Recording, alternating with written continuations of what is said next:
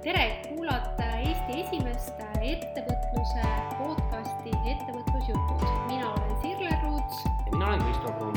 selles podcastis räägime ettevõtlusest ausalt, avatult ja läbi praktiliste näidete. oled oodatud kuulama, kaasa mõtlema ja otse loomulikult ka tegutsema. kohtume podcastis. tere, Ettevõtlusjutud jälle eetris, mina Sirle tervist, Kristo siinpool Äh, nüüd on vahepeal äh, natukene aega äh, mööda läinud ja meil on suviselt nüüd jäänud väike paus siin ettevõtlusjuttudele ja üldse mitte sellepärast, et me viimases podcastis rääkisime, kuidas ettevõtjad peavad puhkama ja siis ise kohe läksime puhkuselainele, andes eeskuju, et seda mitte, et olukord hoopis teine, et mina jäin koroonasse. Äh, ja siis äh, tuli aeg maha võtta ja seega siis, kui ma täna natukene siin vahepeal võib-olla õrnalt köhatan, et siis äh, ärge siis pahandage, et ma üldiselt olen juba taastunud, aga väike selline mõju veel on. kuidas sul, Kristo? mina olen jah, tegelikult ikkagi ka tööd teinud, et nüüd tõesti vot täna ma siin, nagu ma enne mainisin, ma siis panin punkti oma suurele suvisele sellisele tööturneele ja nüüd siis augustikuus natukene saan eh, mitte ka niimoodi tööd teha, kuigi päris ilma ei saa istuda, midagi on ikka veel jah, niimoodi siin jooksmas kogu aeg. et seega siis suvi on läinud töö? kahjuks küll jah, kuigi ma olen püüdnud niimoodi, et eh, noh, päevad eh, on ju suvel pikad ja energia on teistmoodi, et kui ütleme kolme-nelja ajal olen saanud lõpetada oma koolituse, siis noh, ikka rannas on käidud ja sporti on tehtud ja, ja kõike on saanud teha ka, et ega ma millestki nüüd niivõrd ilma pole jäänud. no minul veel suve nautimist ei ole tulnud äh, ja loodetavasti augustis nüüd lubati ilusaid ilmasid, et siis äh, vast äh, saan ka puhata, aga kuna me mõlemad oleme sellised natuke töönarkomaanid, et siis võtsime tänaseks teemaks niisuguse asja, et ettevõtluses ju ikkagi ju üks peamine eesmärk, miks hakatakse ettevõtjaks, on raha. ja me oleme korra siin ka varasemalt rääkinud äh, sellest, et kuidas siis hakata ettevõtjaks, kui raha üldse ei ole.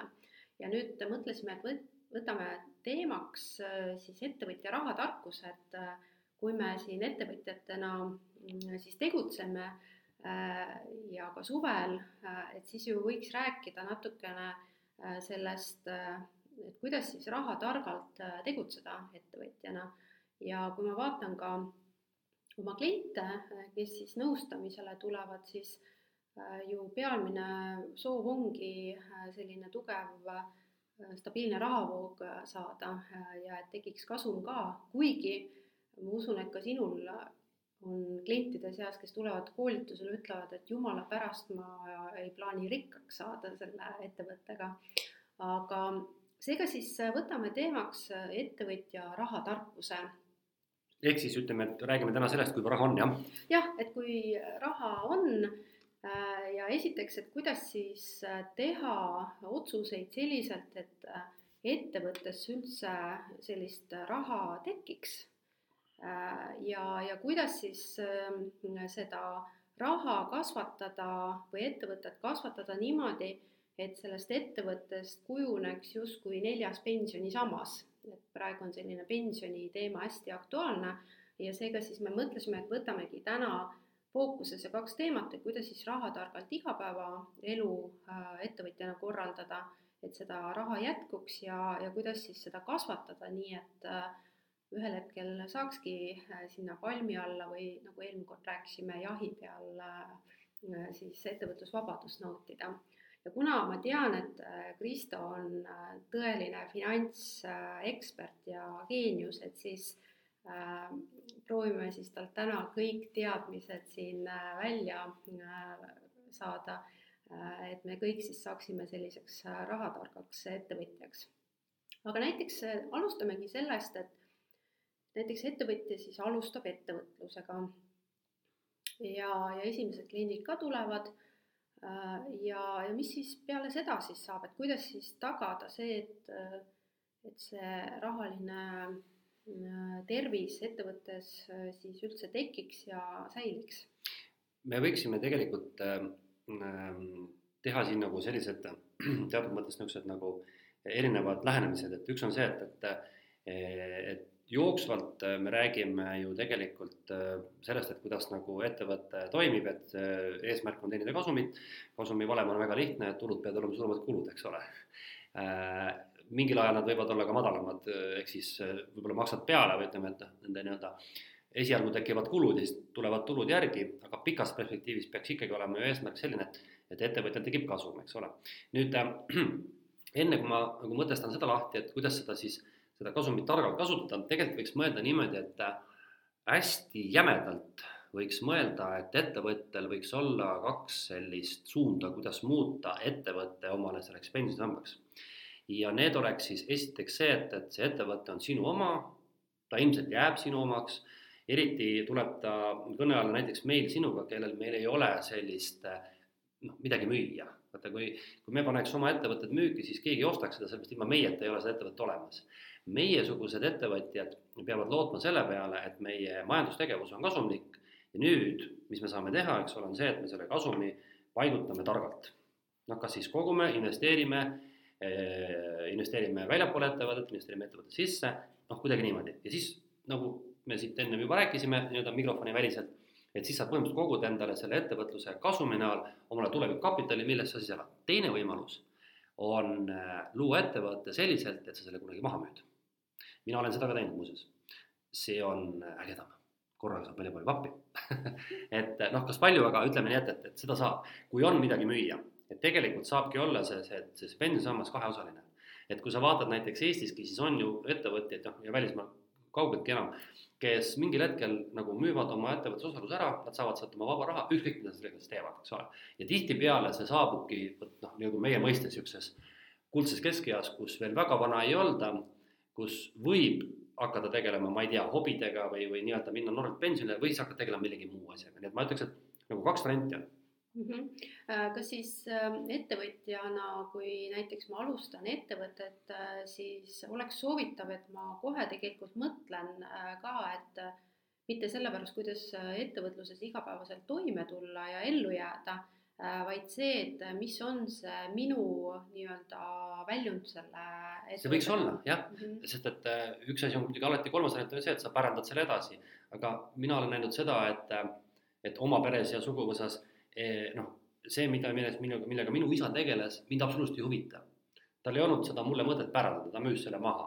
Eh, mina, see, millega mina täna tegelen, ei ole mõtet ka pärandada, minu lapsed täna on piisavalt noored, et et, et noh, kas neist tuleb mingi koolitaja ja kui tuleb, siis miks nad peaks selle minu firma nime alt tegema, et mul ei ole nagu seda pärandamise varianti.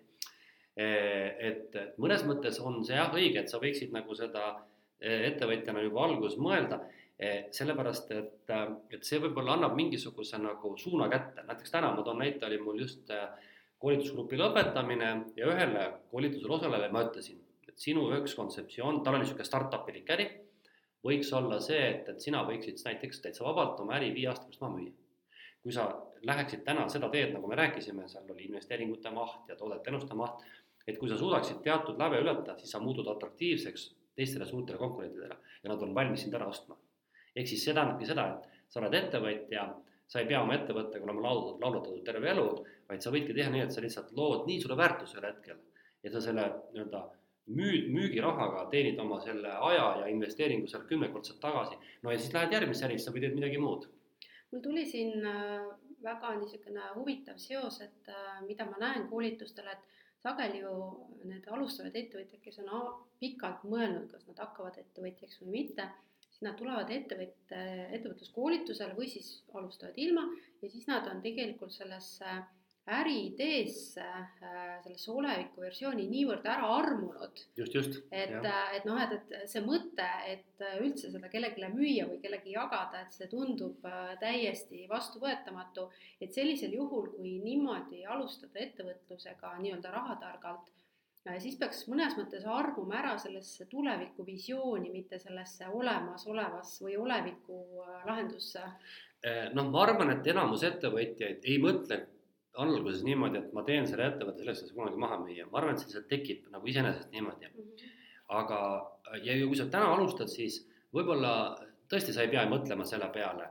see armumine on muidugi tõesti niisugune noh, mõnes mõttes natuke probleem, eks ole, samal ajal see aitab sul vaata jälle nagu, nagu minna nagu täielikult selles äris sisse, kui sa armud ole, teed, oh, vaatame siin niimoodi, siis ei tule, sest vaata, sa pead olema nagu kirglik, eks ole mm.. aga kui sa, et see ei tähenda kirglik olemine, ei tähenda seda, et sa pead selle, selle äriga jäämagi tõepoolest, eks ole, lõpuni, vaid noh, kui, kui me lähtume sellest, et, et raha on üks ettevõtluse sama oluline väljund kui see elustiil või midagi muud, siis äh, ma arvan, et, et, et see on lihtsalt nagu äh, inimese ahnus heas mõttes hakkab siin mängima seda rolli, et sul on kasulikum sellest ärist välja astuda ja tegeleda millegi muuga. See lihtsalt on kuidagi nagu kasulikum ja, ja ma, ma kordan sulle, et, et inimesed on oma olemuselt ahned. ja kui sulle ikka pakutakse laua peal sihukene vapp, noh mõtle ise, eks ole ju. et ja, ja, ja miks muidugi veel paljud müüvad oma ärisid, on see, et nende äride kasvupotentsiaal saab otsa ühel hetkel ja sa iseseisvalt ei suuda enam kasvada Eh, noh, võtame näiteks üks, toome üks näite, et oletame, et sina näiteks teed nüüd praegu omale ka praegu hästi popi asja nagu toidu jagamise äri, see koduveo äri, paned sellele jumal teab mis nimeks, siis mingil hetkel eh, sa avastad, et, et turupotentsiaal hakkab täis saama. nüüd on sul kaks varianti, kas sa leiad eh, investorid ja proovid ise hullult hakata möllama ja laienema või teine variant on, et sa tunnetad, et tegelikult, kui sa oma äri nüüd müüd ära mõnele teisele suurele konkurendile, siis äri jääb ju alles, eks ole, sinu mälestus sellest jääb. Ja äri saab kasvada ja sina saad oma tulu sealt kätte ja sa võid minna järgmisse ärisse. see on täiesti tüüpiline, niimoodi toimub maailmas, sadu aastaid on toimunud niimoodi. et mikro- ja väikeettevõtjad ei peaks mõtlema, et see on kuidagi halb või kole, äride ost-müük on nagu kauba ost-müük poes et justkui, kui ma müün maha, siis ma olen justkui nagu ebaõnnestunud, et seda seda mõtlemist ei tasuks nagu ei, võtta. või et ma müün nagu oma lapse ära, ei ole, see ei ole üldse niimoodi mm. -hmm. tegelikult on kõik müügiks sisuliselt mm, -hmm. see kõlab halvasti, aga ettevõtluses see niimoodi on mm. -hmm väga hea, ehk siis äh, me panime paika siin hetkel sellise võib-olla algus, alguse äh, selle suuna, et, äh, et rahatark ettevõtja tegelikult mõtleb oma ettevõtlusest ikkagi läbi raha. noh, muidugi ka läbi väärtuse, mida ta kliendile loob aga selle tulemusel siis äh, peab tekkima see rahavoog äh, sinna.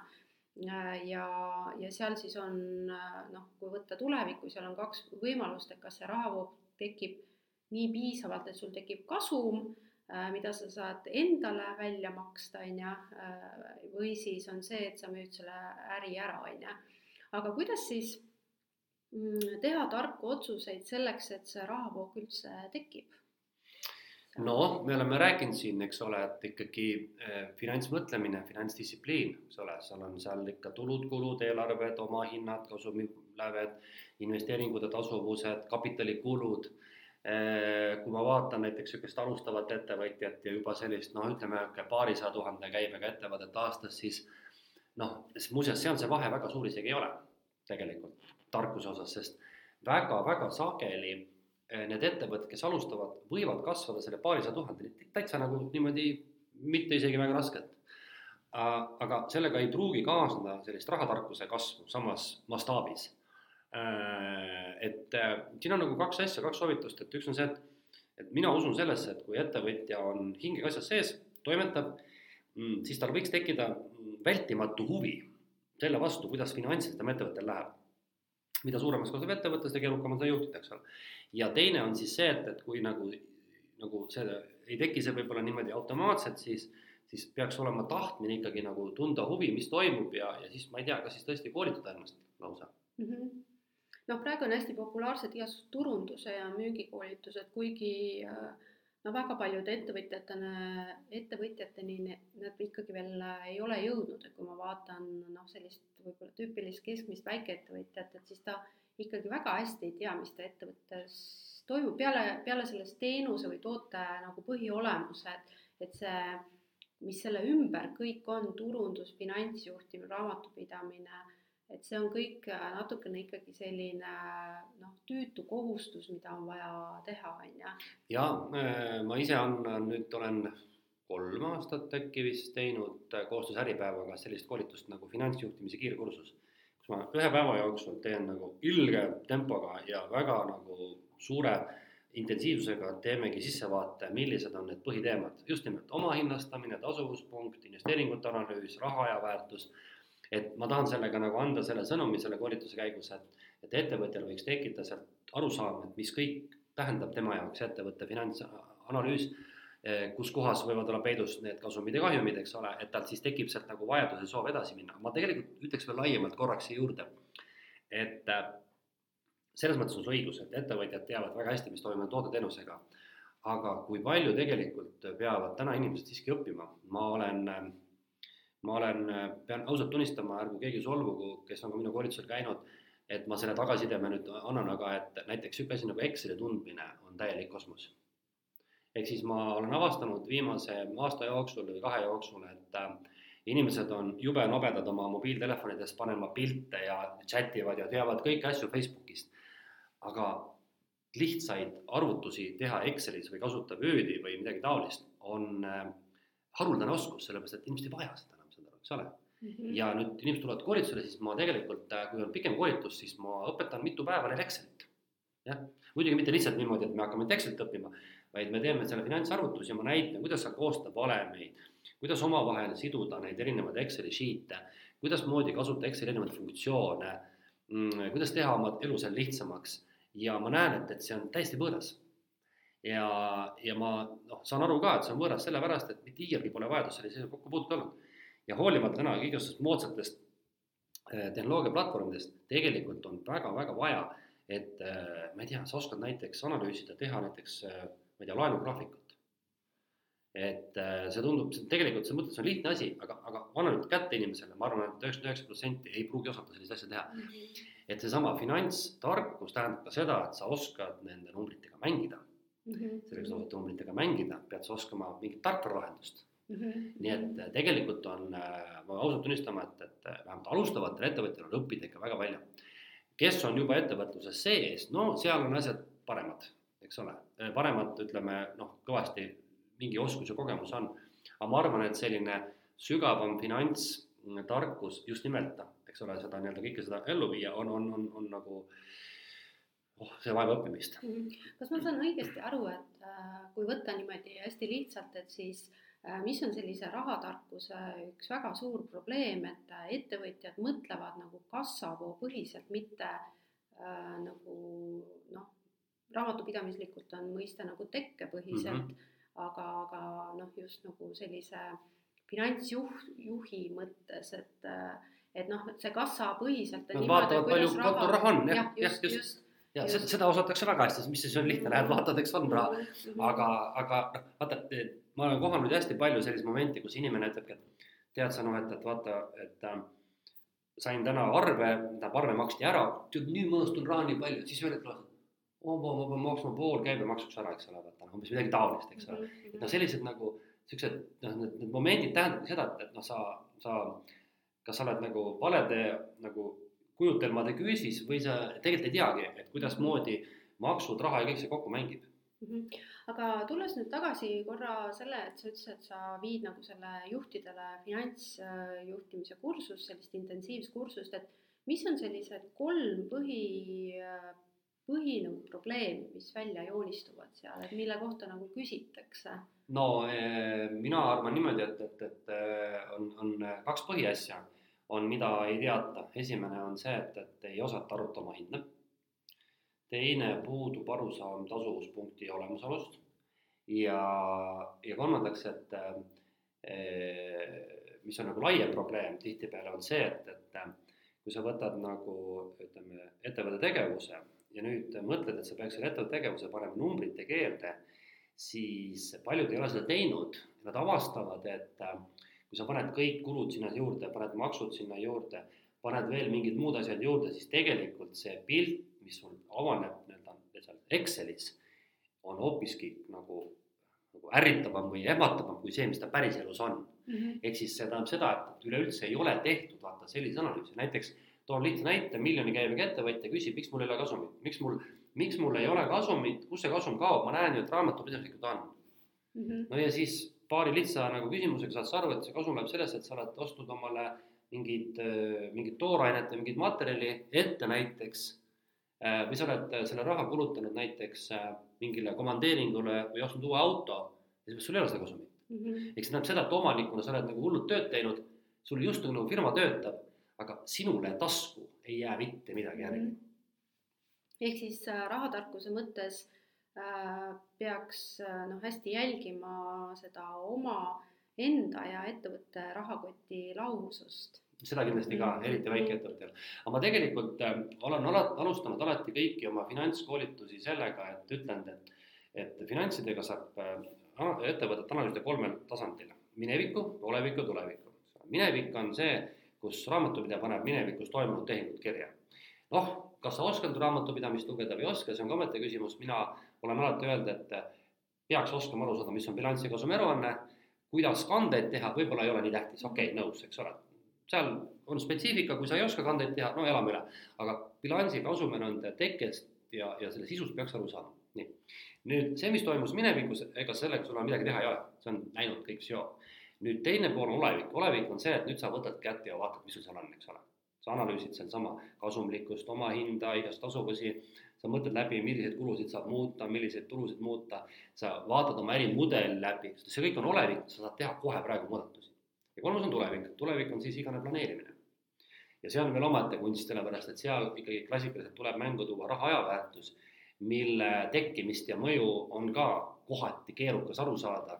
Eh, seda peab ka mitu korda teinekord üle rääkima, sellepärast et inimesed ei saa aru, et mismoodi see tuleviku väärtus siis väheneb, et, et või vastupidi, et noh, et, et, et mis mõttes ma ju ma ju äh, tean, et inflatsioon sööb mu raha ära, aga mismoodi sina seda arvutad, sellest ma praegu aru ei saanud et Mhm. ühesõnaga vot need nii-öelda sellised, need kolm tasandit ja, ja kogu tervikrahatarkus võiks olla selline. veel ja veel lõpuks selle mõtte juurde ütlen ära, et ma olen alati öelnud, et, et noh, nagu niisugune algaja inimene võiks osata protsenti arvutada, eks ole ju, niisugune niimoodi enam-vähem tasandil eh,. pisut kõrgem pilotaaž peaks olema see, et sa oskad eh, näiteks ütleme läbi viia selliseid kergemaid ja lihtsamaid nagu ma ei tea, arvuanalüüsi oma hetke tulemuselt ja siis nagu kõrgem pilotaaž ongi see, et sa oskad läbi viia selliseid arvutusi, kus sa võtad arvesse raha väärtuse kadu ajas, sa oskad äh, projitseerida oma tegevust tulevikku, sa tead, mis tähendab diskonteerimine vot see on nagu kõrgem pilotaaž mm. -hmm aga sa tõid väga hästi sisse need kolm tasandit, et võib-olla lähmegi siit edasi, et kuidas siis äh, ettevõtte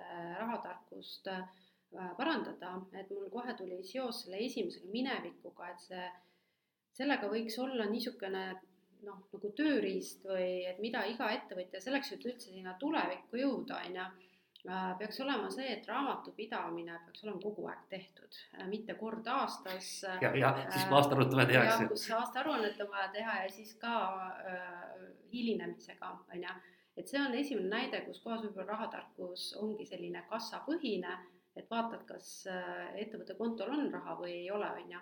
noh, seda tavaliselt teevad sellised hobiettevõtjad, kellel on, äh, ettevõte on kuskil tiksub palgatöö kõrvalt, äh, ettevõte on pigem sellise arvete esitamise vahend ja ega nad väga ei vaatagi sellest, seda ettevõtet kui vara, on ju. ei vaata muidugi, jah. et aga kui me räägime ikkagi nende ettevõtjatega, kes meid kuulavad, kellel on ettevõte näiteks põhi selline sissetulekuallikas või nad soovivad seda tekitada, et siis, siis esimene reegel peaks olema selline, et raamatupidamine on kogu aeg tehtud. Minul on selline nipp, mida mina katsetasin ja väga hästi ka toimib, noh, minul jäi ka noh, raamatupidamine oli nagu teisejärguline, noh aastaid tagasi. minul samamoodi, muidugi jah, me oleme kõik selle läbi teinud, on ju. Äh, ja, ja ma tegin niisuguse kokkuleppe endaga, et, äh, et ma ennem ei maksa arveid ära pangas, äh, kui mul ei ole raamatupidamisse läbi kantud. ja siis ma saadangi programmist nagu maksekorraldused panka. Et seega siis see, see toimib väga hästi. sellisel juhul ei lähe need arved nagu kaduma või Äh, ja mul on tegelikult olemas igapäevaselt äh, see bilanskasumi aruanne. ma küsin, kui tihti sina teed raamatupidamist, teed suviga, siis ma kommenteerin enda poolt ka mm. -hmm. ma teen noh, sisuliselt ma ütlen, et, et kui on kuu alguses, siis ma võib-olla teen nagu igapäevaselt. Et kui tuleb, tulevad need maksetähtajad, esimene ongi see, et siis, kui mul on esimesed vist kuluarvete maksetähtajad on Äh, on seal ennem kümnendat, et siis ma teen ennem kümnendat esimese sellise suure satsi ära, kus kohas ostuarved on kõik sees, äh, teen DST ära.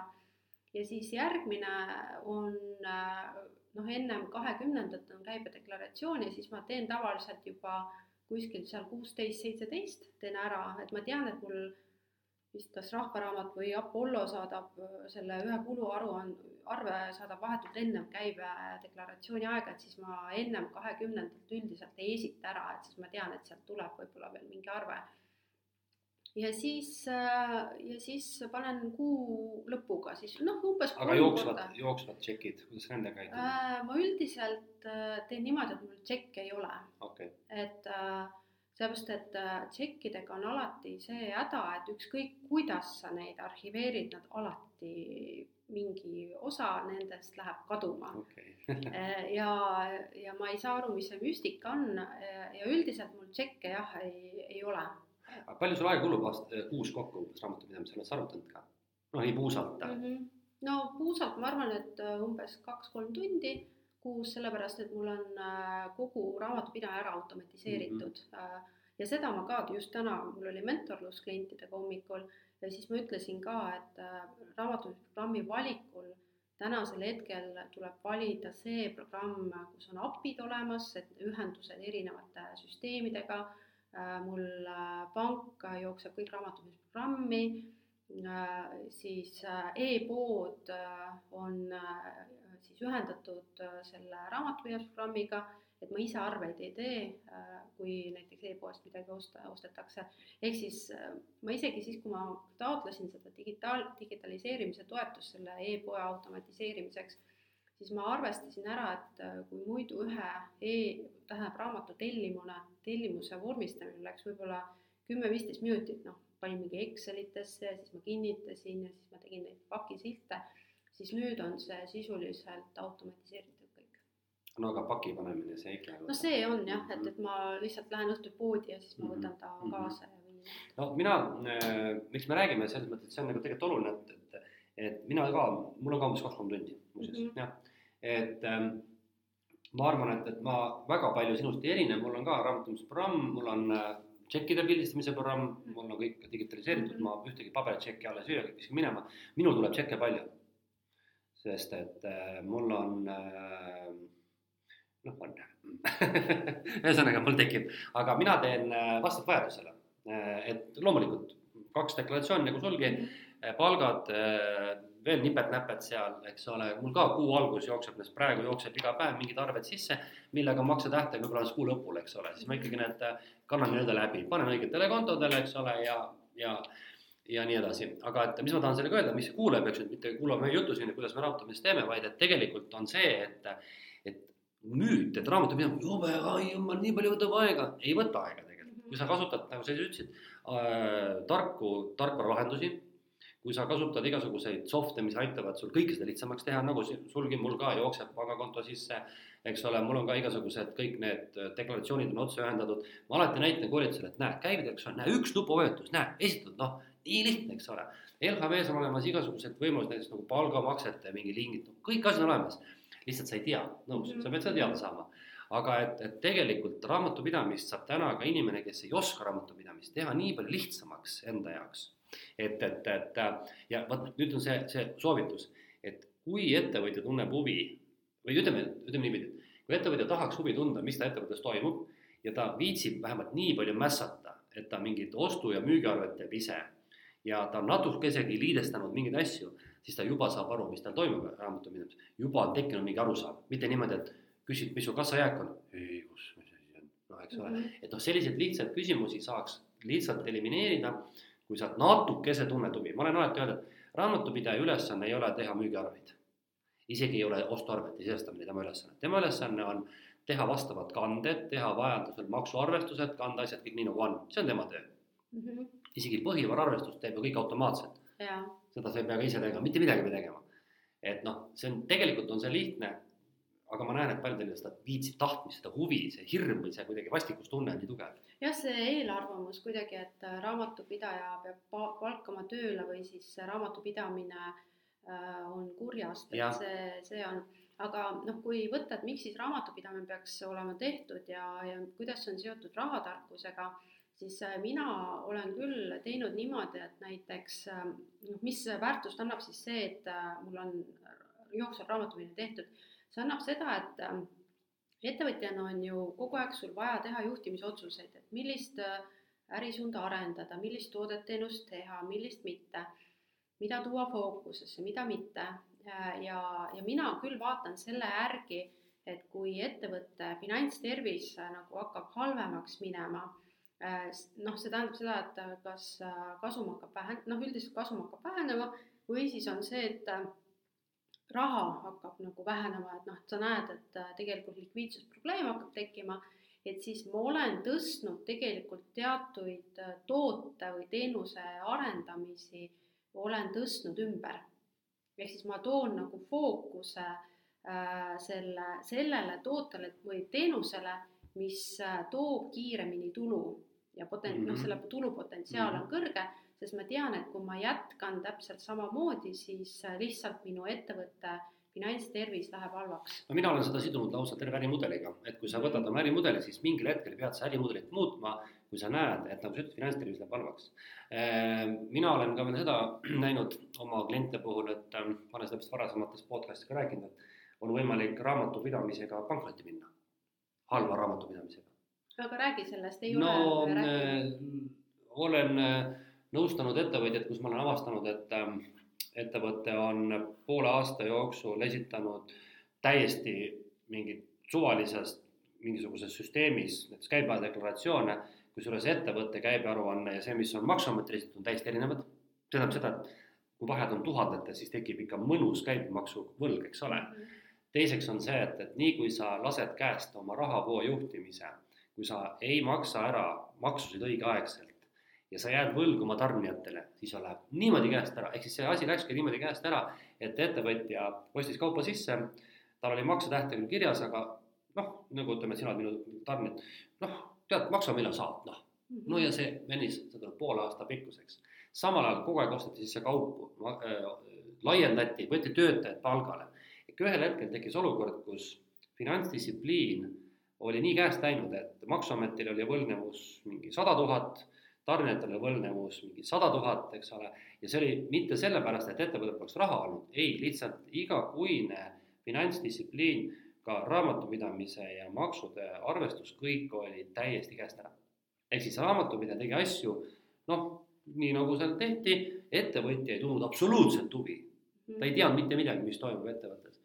ja see ei olnud väike ettevõte, see oli tegelikult päris suur ettevõte jah, et, et äh, see finantsdistsipliin ja ülevaade oma raha, rahadest on hästi-hästi oluline, et kui me räägime veel selle nii-öelda mineviku teemal, siis ta näiteks, mida mina olen rakendanud, on see, et äh, eriti just alguse faasis, kus kohas äh, noh, rahavood olid ebastabiilsed, siis üks asi, mis ma rakendasin, ma tegin täitsa niisuguse tavalise hästi lihtsa Exceli, kus kohas olid tulud ja kulud. Ja siis sinna alla panin sellise noh, lihtsalt tulud miinus kulud võrdub siis, et mis see jääk on ja siis ma panin sinna sellesse tuludesse, panin siis oma selle prognoosi nagu, tegin nagu eelarvet ja sinna eelarvesse panin siis need tehingud või teenused, kus kohas mul oli kokkulepe olemas. ja siis see Excel näitas ilusti ära, sest all oli valem näitas ära, et okei okay,, et noh, et kui ma nüüd mingit muudatust ei tee, siis neljandal kuul on see miinus, on ju. see on sisuliselt sama, mis on Töötukassa sellel finantsprognooside kassavool mm -hmm. tabel, aga ma tegin selle hästi lihtsalt niimoodi, tulud, kulud ja, ja see hästi aitas. teine asi, mis ma rakendasin, oli see, et kui mul hakkas siis ettevõttes tekkima kasum siis ettevõtte kasumi ma tõstsin, ma tegin pangast teise panga konto ja mul kasum oli alati eraldi kontol. kas kogu kasumi tõstsid siis ringi või? jah, kogu, kogu kasumi tõstsin ringi ja juhul, kui siis mul jooksva see konto rahavood, noh, raha ei olnud piisav, siis ma justkui nagu endalt pidin võtma omanikuna laenu, et maksta maksusid ära. ja sest mida ma näen, on see, et kui kõik need rahad on ühes noh, pakis või ühel kontol, siis lihtsalt me hakkame teadmata ja eriti kui ra-, raamatupidamine on tegemata, hakkame nagu elama oma sellest kasumist ja ühel hetkel siis see lumepall hakkab veerema ja mind väga aitas see, et, et juhul, kui siis ma ei pidanud üldse bilansis või kasumi aruandest vaatama, et kui kontol nagu raha hakkas vähenema äh,, oli näha, et ma järgmine kuu äh, neid tööjõumaksusid ei saa maksa äh,, maksta, et siis, siis tegelikult ma pidin ise enda noh, ise omanikuna finantseerima enda kui juhi valesid otsuseid või tegemata tööd, on ju. sa võtad väga tõsiselt kohe asja, ja, ja. no ma olen selline süsteemide mm Mhm. -hmm. inimene, on ju. Äh, ja mind see hästi-hästi distsiplineeris igal juhul. no mina olen teinud niimoodi, et mina tegin ka omale sellise eraldi konto, kus ma siis kogun raha, aga mitte siis kasumit nagu sina, vaid et ma tegin, ma olen niimoodi suvaliselt eh, ostnud mingid väärtpaberid, aga praegu on olukord selline, et ma terve selle aasta seoses nende tootulangustega olen nagu pidurdanud oma kasumi suunamise sinna, sellepärast et et ma tean küll väga hästi, et, et, et väärtpaberid võivad ka tõusta, aga kuidagi nagu süda tilgub verd ostmaks mingit väärtpaberit, mille väärtus samal hetkel kukub põr-, põrandale, eks ole. et seetõttu ma nagu äh, olen ka samamoodi käitunud, mina olen käitunud niimoodi, et äh, kui mul ma olen ikkagi nagu noh, kasutanud ka kõiki muid võimalusi, et näiteks kui äh, kui sul on noh, me teame kõik, et Töötukassal on pikad maksetähtajad, eks ole, ja sa pead arvestama, et kui sa teed kuu alguse arve, siis sa ei pruugi kahekümnendasse kätte saada siis on niimoodi, et tähendab seda, et mingitel hetkedel ma olen pidanud näiteks käibemaksu osas ikkagi maksepikendust taotlema Maksuametilt. kuigi ma võiks selle raha võtta oma sellelt samalt kasumilt, aga ma ei võta. ma põhimõtteliselt ei võta, Mhm. ma kasutan ära kõik seaduses võimalused, et mitte ise peale maksta, kuid samas näiteks on siin eelmine kuu oli see olukord, kus täpselt arve laekumiseni oli mingi X päevi aega, millal mul laekus ja mul ei olnud raha ja ma pidin ühe arve maksmagi oma taskust nii-öelda kassaarvelt maksin selle kinni. noh, raamatupidamislikult oli kõik korrektne, sellepärast mul oli kassas jääk olemas, aga lihtsalt ma maksin selle oma taskust, sellepärast et mul arve ei olnud veel laekunud, eks ole. et noh, selliseid momente on, on loomulikult juhtub. noh, ega ettevõtluses harva, kui sul on kogu aeg ühtne stabiilne voog, ikka tekivad tõusud ja mõõnad, eks ole. eriti kui on hooajaline äri või, või, või, või niisugune noh, sessoonne äri, vot, eks ole. No siis äh, tavaliselt ongi, kui tekivad sellised äh, rahavoo kõikumised, siis, siis ongi noh, kas sa enda ettevõtte vahenditest finantseerid neid, omanikuna paned ettevõttesse raha või siis noh, ongi need näiteks Maksuametilt maksude ajatamine, seal on vist mingi summani on hästi lihtne, teed lihtsalt taotluse. ja see automaatselt tuleb jah, just ja siis on see, et lihtsalt kui on ettevõttel ajalugu ja ettevõte on nagu mõnes mõttes ikkagi nagu varana või noh, seal on kapitali, siis on võimalus pangast taotleda arvelduskrediiti, mis on ka hästi mugav toode, et sa sisuliselt äh, maksad ainult nagu selle kasutamise pealt, pluss siis võib-olla mingi sümboolne tasu mm -hmm. selle jäägi pealt. okei okay,, aga nüüd me oleme andnud päris mitmeid nippe sellest, et kuidas siis äh, üldse see rahatarkuse baas nagu ettevõttes mm -hmm. võiks tekkida. järgmine etapp oli see nagu oleviku teema, mida ma näen, et koolitustel on ka päris suur probleem.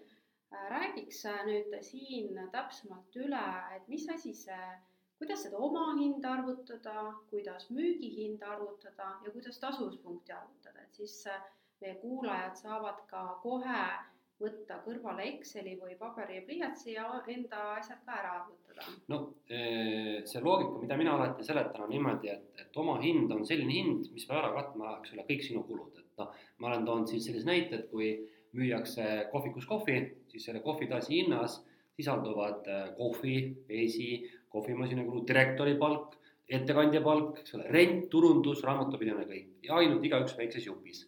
ja noh kõige-kõige lihtsam arvutus, ma seda võin siit lausa niimoodi raadio teel öelda, seda saab igaüks kohe arvutada, on selline, et kui sa võtad näiteks, ütleme, toome niisuguse näite, et, on psühholoog või psühhiaater, kellel on niisugune kabinet, istub oma kabinetis. et kui see, kui see psühholoog näiteks peaks katma iga kuu ära kolme tuhande euro väärtuses kulusid, kõik tema kulud kokku on kolm tuhat eurot, oletame.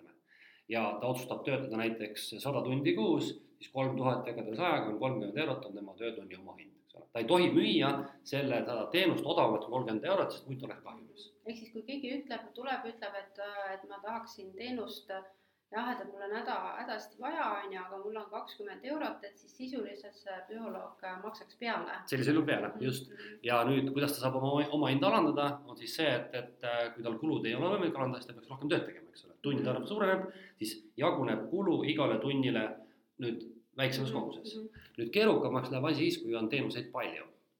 siis ma olen alati nagu teinud niimoodi, et minu lähenemisviis on selline, et ma jagan kulud äh, siis otsesteks kuludeks ja kaudseteks, eks ole, ehk siis noh, kaudsed kulud on kõik need, mis on nii-öelda mõnes mõttes püsivad sul seal. rendid, palgad, turundus, kõik muud asjad, otsekulud on siis materjal tavaliselt. ja nüüd, kui ma võtan näiteks sellesama kohvi näite, siis oletame, et ühe kohvitassi materjalikulu on näiteks ütleme viiskümmend senti kohviuba ja kümme senti vesi, siis nüüd sa pead võtma mingi protsendi alusel sellest püsikuludest mingi osa ja katma nende kohvide peale ära. ja noh, siis see teatavasti kõige lihtsam reegel on selline, et sa leiad oma toodete proportsiooni, mitu protsenti sul igat toodet on, sellesama protsendi ulatuses peab see toode ära olema kaetud püsikuludega. ehk siis äh, lihtsam, äh, lihtne näide, et äh, kui ettevõte müüb kohvi, sinna kõrvale äh, teed näiteks. teed ja, või, ja siis müüb ka croissant'i, et siis ja kui kõike müüb võrdselt, näiteks kolmkümmend kolm protsenti sajast protsendist Äh, siis ta need äh, kaudsed kulud, ehk siis need püsikulud, äh, see rent ja töötajad, siis selle, sellest võtab sellest noh, ütleme, et see kolmandiku siis, kolmandiku on ju. ja jagab need kolmandik omakorda kõikide kohvide, croissantide tee peal laiali just mm. -hmm. nüüd kangem variant, mida ma ka õpetan, on tegevuspõhine kuluarvestus, ongi niisugune lähenemisviis olemas, kus võetakse siis niimoodi, et need kaudsed kulud võetakse protsessipõhiseks ma tean, sul on minu arust kuskil äh, internetis või raamatutes on ka tegevuspõhise kuluarvestuse näiteid mm, hästi lihtsalt muuseas tehtud, ma alati soovitan koolitatavatele. et sinu raamatud on selles mõttes kuldaväärt, ma alati soovitan, ma ei tea, ju nad on ostnud ka ilmselt, et, et sa oled üsna tuntud ka minu koolitatavate seas. et, et noh, protsessi põhjendab seda näiteks ütleme, et, et sul on näiteks ütleme sinu raamatute puhul näiteks, mis sa müüd, on sul näiteks ütleme pakendamine mm. -hmm ja siis on sul näiteks ütleme transport, mida sa viid sinna poodi mm. -hmm. nüüd äh, see tähendab seda nüüd, et, et kui sa võtaks koguse järgi, siis koguse järgi võib olla selline olukord, et sul on erinevad tooted, vaata, eks ole, ühed raamatud, teised raamatud. või on see näiteks ütleme raamatud ja mingid, ma ei tea, kosmeetikatarbed mm -hmm. näiteks. kui sa jagaksid nad võrdselt sinna peale ära, siis võib juhtuda, et mingi toode saab liiga suure hulga protsentuaalselt püsikulusid. tegelikult kulutad sa väga vähe sinna ja vastupidi, need tooted, mis nõuavad rohkem aega nende peale langeb proportsionaalselt liiga väike kulu. nüüd protsessi põhjendab seda, et sa võtad näiteks sellesama, toome näite, et sul on näiteks ütleme raamatud ja on raamatute pakendamine, no ma saan, sa kodus paned karpi, paned kile peale, eks ole.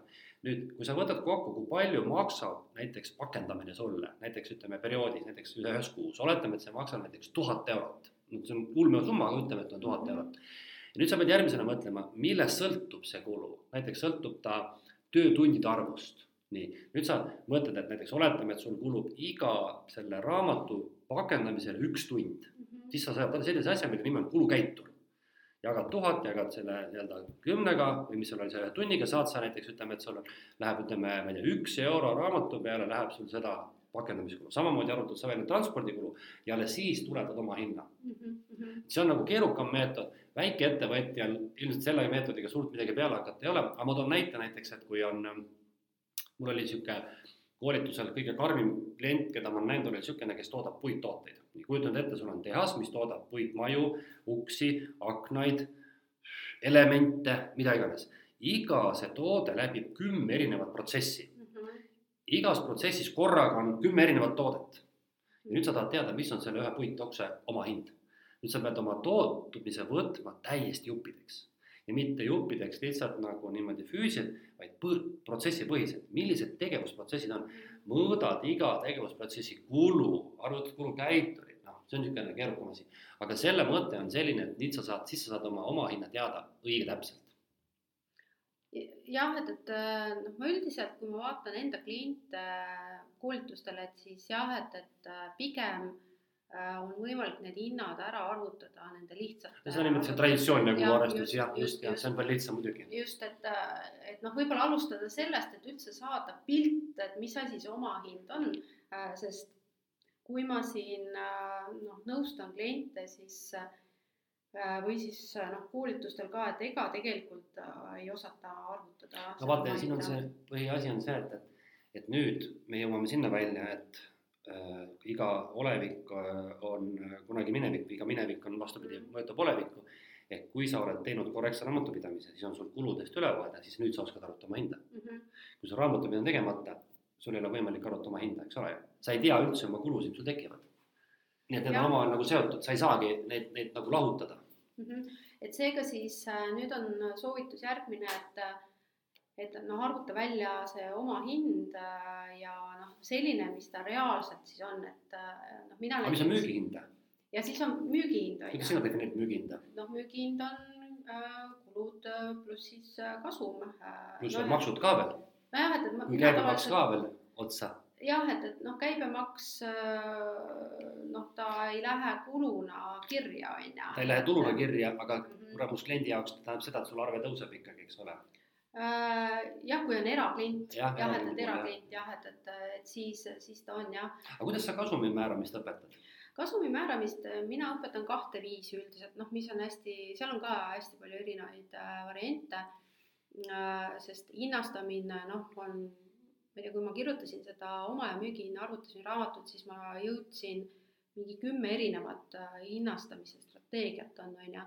Aga mis on kõige levinum, ongi see niisugune kulupõhine äh, ongi see, et sa võtad kulud, paned kasumi otsa Mhm, Äh, mingi marginaali. jah, marginaali jah, et äh, ja siis sa saad selle müügihinna, on ju.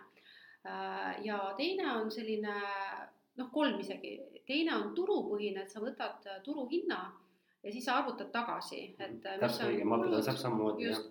mis on nagu need kulud ja, ja siis sa arvutad välja, et mis see kasum on ja siis vaatad, et kas see sinul omanikul on atraktiivne või mitte.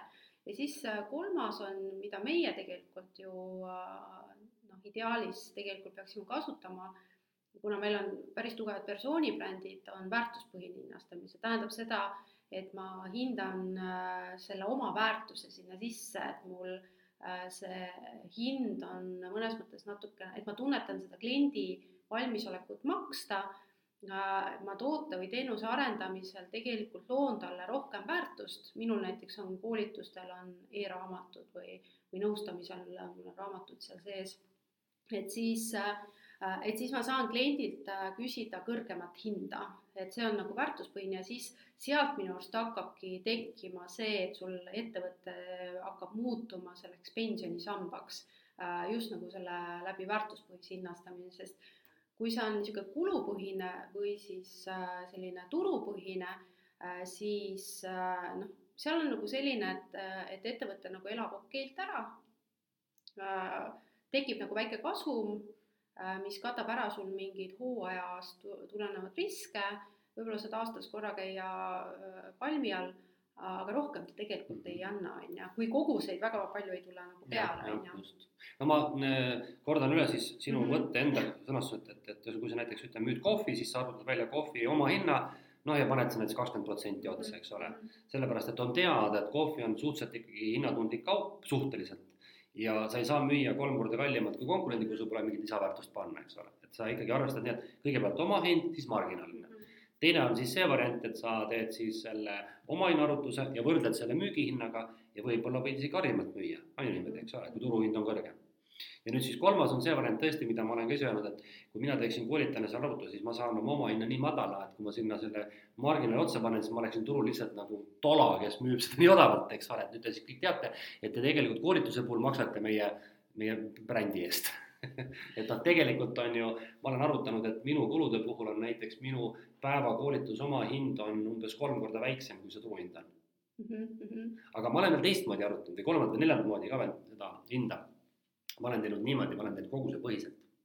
ehk siis ma teen niimoodi, et võtame näiteks, toome niisuguse näite jälle, ma püüan niimoodi hästi lihtsalt selgitada, et kui sul on näiteks ka jällegi, ütleme, võtame numbri kaks tuhat eurot on sul näiteks kuukulud, mida sa pead katma ja sa tead, et sa suudad koolitajana teha näiteks ütleme, kaks koolituspäeva suudad sa teha, eks ole, nädalas, rohkem sa ei suuda.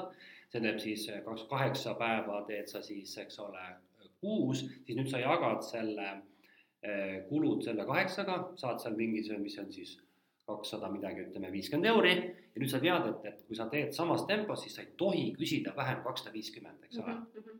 et niipidi olen ka veel arutanud, et kuna see, mina olen alati öelnud, et maht tihtipeale näiteks ütleme, teatud, teatud teenuste puhul määrab ära sinuga selle hinnapoliitika, siis ma olen ka niimoodi mõtestanud, et ma olen toonud näiteks koolitajatele näite, et kui mul näiteks ütleme, et noh, on vot selline püsikulude hulk iga kuu ja ma tean, milline on see realistlik maht, mida ma suudan teha, siis ma tean lihtsalt, ma ei saa seda koolitust teha väiksema hinnaga, sest et mu kogus ei ole lihtsalt nii suur või siis vastupidi, kui ma näiteks äh, tean juba ette, et mul on näiteks äh, hõre suvi, aga mul on kulud vaja katta, siis ma tegelikult proovin küsida kallimat hinda, sest ma tean, et kurat, ma, ma pean kulud ära katma, eks ole mm. -hmm aga seesama hinna küsimine tegelikult ei baseerunud mitte sellel kulude baasil oma hinnal, vaid nagu sina ütled, väärtusepõhisel hinna baasil.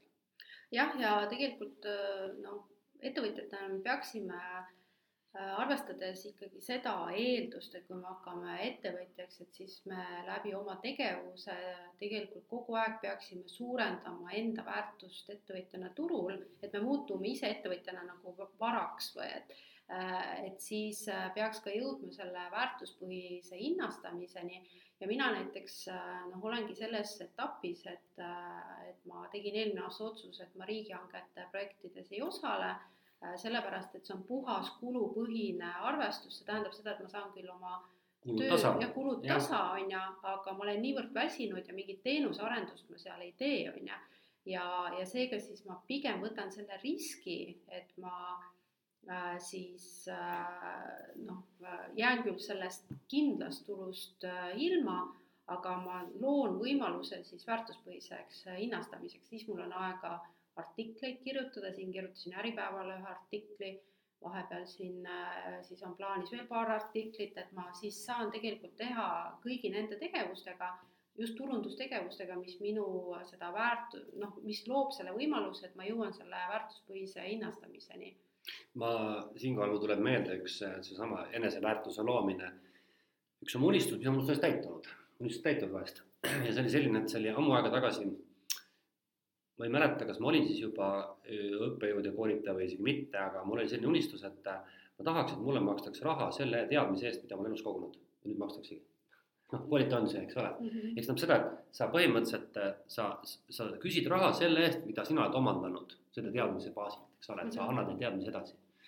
jah, sest koolitajana, kui me teeme ikkagi endaga tööd, siis äh, meie väärtus ajas äh, tõuseb äh, tegelikult, välja arvatud juhul, kui me jääme mugavustsooni mm. kinni. siin teinekord on kliendid siis küsinud mu käest, et aga kui suurt kasumit ma peaks siis arvestama näiteks, et et noh, ettevõtja, kes ei ole mitte kunagi ettevõtluses kokku puutunud, et kui ma ütlen, et pane kasum otsa, et aga millist kasumit ma siis peaks arvestama, mis sa neile ütled? Äh, ma ütlen niimoodi, et kõige lihtsam on äh, vaadata, tuleks analüüsida seda valdkonda mm. -hmm. on olemas ju statistika selle kohta, milline on kasumlikkus mingis valdkonnas, see on lihtsalt leitav. me teame, et jaekaubanduses võib olla kolm kuni viis protsenti, koolitusel võib olla viiskümmend protsenti, et see on esimene indikaator aga teistpidi ma olen nagu läbi huumori, et sada protsenti on kasumlik, eks ole, et noh, teoreetiliselt et eks, eks vahel juhtubki niimoodi, et kui sa vaatad näiteks äh, sellist ettevõtlust, kus on palju tooted-teenused, siis sul võib olla nii, et mõni toode on, vaevu katab oma hinna, sa isegi maksad peale. -hmm. aga mõni toode on sul kolmesaja protsendilise kasumiga. noh, ja ma olen alati seletanud, vaata on olemas sellised asjad nagu, nagu sellised etalontooted või sellised indikaatortooted, et, et, et ma olen näiteks toon niisuguse näite. oled sa, küsin sinu käest, et kui palju maksab üks tõeliselt kallis naiste käekott? Mm, vot ma ei oska öelda, oleneb, äh, kes see klient on. ei, lihtsalt lähed poodi, ütleme, et sina tahaks praegu osta, kui sa hakkaks otsima kõige kallimat käekotti naisterahvana, mida sa leiad, mis sa arvad, mis sa leiad? no ma arvan, et äh, noh, ta võib isegi mingi mitmete tuhandete. mitmesajad tuhanded. ja ma olen näinud kõige kallim on neli koma kaks miljonit on üks äh, käekott.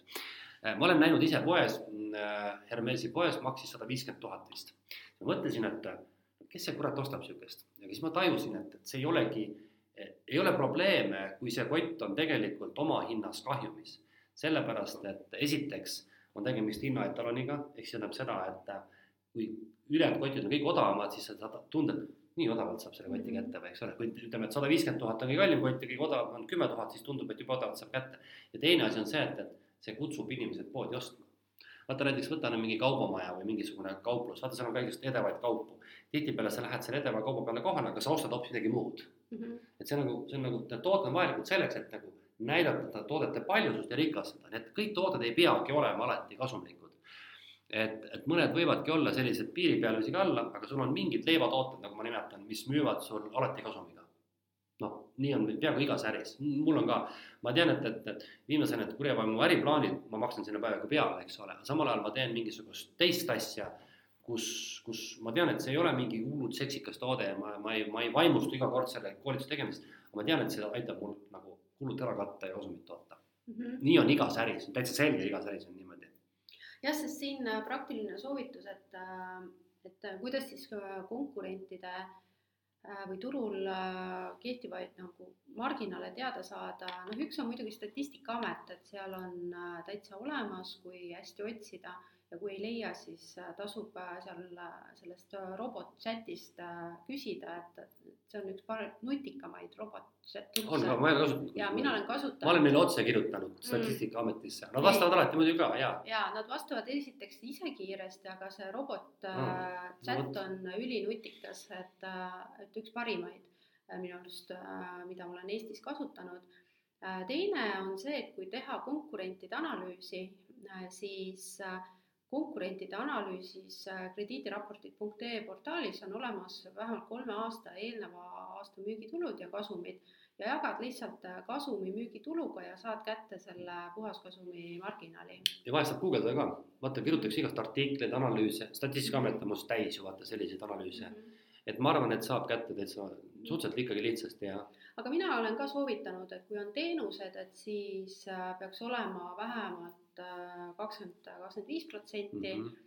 Äh, üle selle on juba suurepärane äh, ja noh, tootmise puhul noh, alla kümne väga nagu ikkagi, ma arvan, et ettevõtlusriski, eriti praegu, kui on niivõrd noh, kõrge riskiga see majanduskeskkond, et siis noh, peab olema päris tugev see tulevikuvisioon, et noh, tõesti, et kas ma siis teen exit'i sealt või Äh, või, või noh, mis, äh, mis rolli see ettevõte mängib minu elus, et, et kui see kasumimarginaal on alla, alla selle kümne.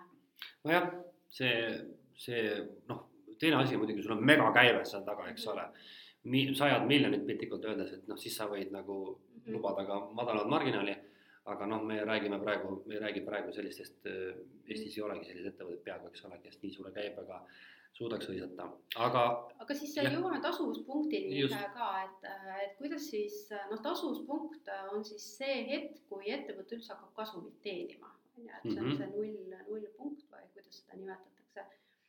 et kuidas sinu kogemus selle tasuvuspunktiga klientidega on? no seal on niimoodi, et tasuvuspunkti arvutuses on üks on lihtne asi, on probleemne asi, lihtne asi on see, et see valem on väga lihtne, eks ole, sa võtad ja jagad jällegi püsikulud pead jagama siis oma toote hinna selle materjalikulu vahega, ehk näiteks meie sama selle psühholoogi näite puhul tasuvuspunkt on siin, et püsikulud kolm tuhat, jagad selle oma hinna näiteks kolmekümnega, sa tead, et sellise hinnaga, oma hinnaga müües sa pead vähemalt sada tundi tegema, eks ole, või sellise müügihinnaga näiteks aga probleem läheb siis, kui tooteid on palju, siis tuleb hakata jälle arvutama selle proportsiooni, kaalutud keskmist, siis läheb asi hästi keerukaks, siis mul kõik koolitatavad kukuvad selili maha sinna tooli peale, eks ole.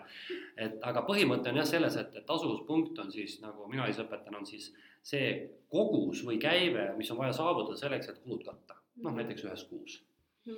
ja, ja sellega on ka niimoodi, et, et seda saab ju ka arutada toodetepõhiselt, eks ole, käibepõhiselt saab arutada ja see on hea indikaator väga sageli näiteks niimoodi, et noh, ma näiteks väga-väga tihti, kui inimene tuleb mingi, räägib mulle Märist, ma teen peast kirjaarvutuse kohe, et aa, sul on siuksed kulud, et okei okay,, siukse hinnaga müüd, siis saad juba indikatsioonist aru, et kas ta nagu, kas see tegevus on tal realistlik või mitte. et ma hästi tihti arvutan selle tasuvuspunkti lausa peast ära, kui niisugune, kui lihtsam äri on mm. -hmm. nii et tegelikult püsikulud jagad tehtud toodet või selle müügihinnaga ja saad teada, mitu toodet sa pead siis müüma, et siis see kulud tasa saada, eks ole mm. -hmm.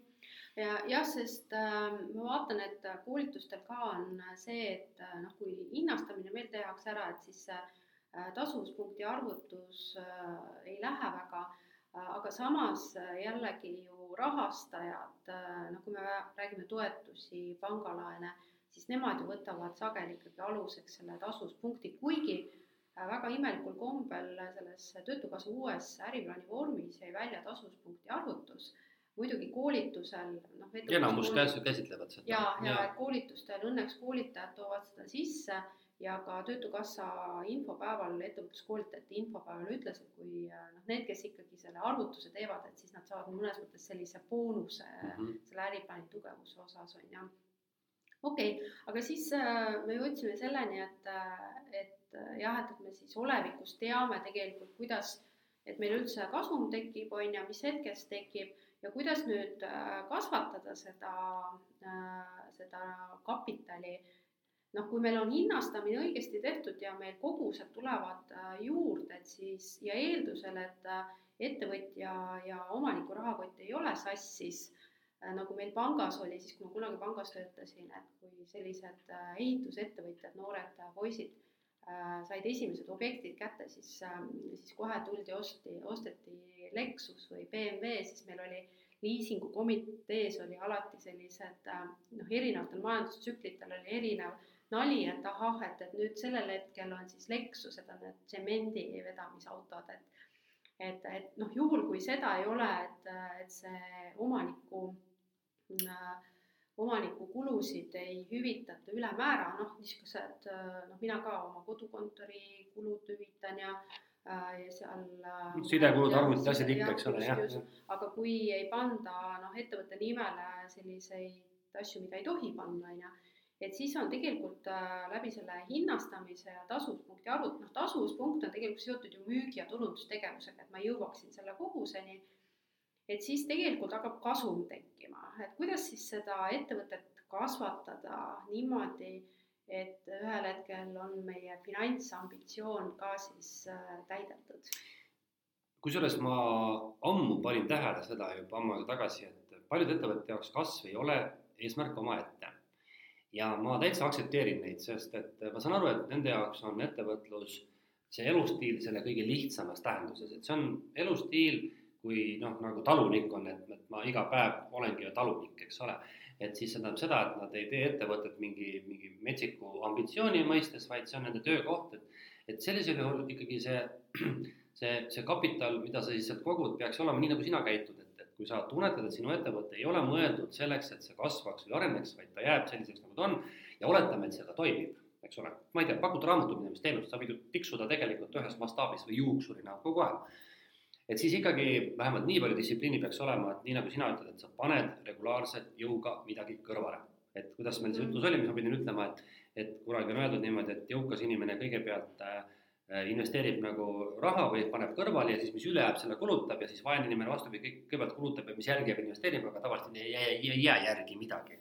et tegelikult ettevõtlus kehtib sama reegel, et kui sa ütleme, näed, et sul tekib kasum, siis kõigepealt pane sealt alati mingi osa kõrvale. sellega sa distsiplineerid ennast ja sest meie, meil on inimesena see tobe komme, et me ju suudame kõik raha ära kulutada, mis on. alati on midagi võimalik osta. ma mäletan ühte ettevõtjat, kes rääkis mulle lugu, kuidas ta oli siis umbes aasta tegutsenud ja ettevõte sai finantsiliselt jalad alla, siis ta hakkas märkama, kui toredaid asju on võimalik kõike osta ettevõttele. noh, mitte, mitte, mitte nagu isiklikke asju, vaid ettevõtte asju, seadmed, mingid masinad, tal oli, tema tegi, tegeles kookide, tortide küpsetamisega, kõiksugu ägedad aparaate on olemas müügil, et sa hakkad nagu noh, nagu sellesse panustama ja sa unustad just nimelt selle kasumi ära, et ega tegelikult tark on, on või, või niisugune eriti tark on see, et kui sa jagad oma raha alati nii, et sa tead, et osa sellest rahast läheb sul kuludeks, eks ole, osa pead sa jätma varuks, osa võib-olla paned investeeringuteks ja osa veel kasumiks. et see tundub praegu ulme olevat, aga, aga tegelikult on võimalik kas või tuhandet eurot niimoodi jagada, vaata, eks ole, et sa jagad selle kolme-nelja gruppi ja sa tead, et see, need rahad lähevad nende jaoks, mis nad lähevad et ikkagi ma arvan, et ka siis, kui sul ei ole ambitsiooni kasvada, sa pead selle, selle, selle noh, noh, pead, ei pea, on soovitus mm. -hmm. mõtle iseendale, see ettevõte ei ole ju midagi nagu midagi kellegi teise, see on sinu oma, see on sinu rahamasin. jah, ja see tegelikult võimaldab ka neid äh, hetki, kus kohas võib-olla on vaja aeg maha võtta, võtta endale ettevõtja puhkus äh,, sest äh, noh, me, kui me alustame ettevõtlust, siis me küll mõtleme, et me teeme nüüd seda nii kirega äh, aastakümneid, et tegelikult ei tee. et on vaja tegelikult võtta see aeg maha ja tõesti ühel hetkel võib-olla ongi hea mm, siis, äh, siis luua endale see võimalus, äh, et on selline nii-öelda pensionisammas, mida sa ise saad kasutada, võib-olla tahadki neljakümne aastaselt minna pensionile või viiekümneselt aga siis me oleme tänaseks äh, enam-vähem saanud äh, mõtted äh, ja ideed nii-öelda purki, et. meil jäi rääkimata tulevik, aga sellest me spetsiaalselt ei rääkinud, sest et ja. see on hoopis nii mahukas teema, et me võime sellest raha aja väärtusest ja sellest tuleviku ja investeerimist ja eelarvestamist rääkida hästi eraldi palju. jah, sest see on päris mahukas teema ja, ja ma arvan, et, et võib-olla nende igasuguste mm, valemite kõrval siin hakkab aju kärssama, et kindlasti meil on ju neid teemasid ka tulevikus, millest, millest rääkida ja, ja vaatame, et võib-olla siis mm, leida nagu selline hea fookus, et sest need on oluliselt keerulisemad teemad, et seal äh, Äh, siis vaadata, et kuidas seda niimoodi rääkida, et, et sellest oleks ka äh, sellist kasu.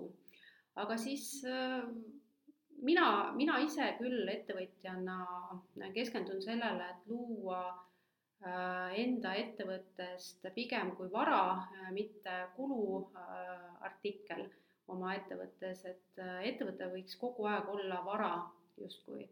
et mis on sinu soovitus lõpetuseks? ma arvan, et, et, et äh, ikkagi see jah, see, see ühel hetkel peaks tekkima see moment, kus sa tunnetad, et et, et sa ei saa lõputult investeerida oma ettevõttesse, kui sa ei plaani seda müüa.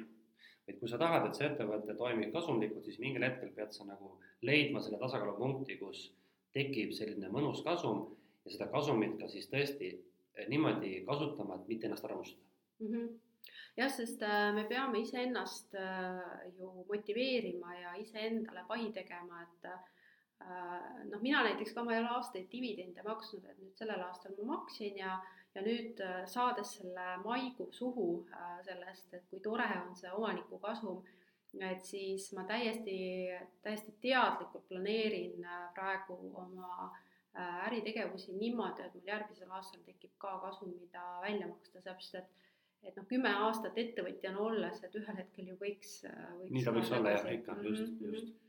aga siis äh, ma loodan, et, äh, et te saite mõned mõtted, et kuidas siis ettevõtjana olla rahatark. Äh, nagu siin välja tuli, et see rahatarkuse teema kindlasti ei jää meil viimaseks, vaid pigem oli see selline mõnus sissejuhatus sest oluline on ikkagi rääkida nendel teemadel, mis teile kuulajatena väärtust loovad Äh, ja hoidke tervist ja puhake ka suvel ja, ja siis äh, kohtume juba varsti. jah, ja ma arvan, et nüüd meil hakkab tihedamalt saade eetris olema. ja mm -hmm. kõike head. ja kõike head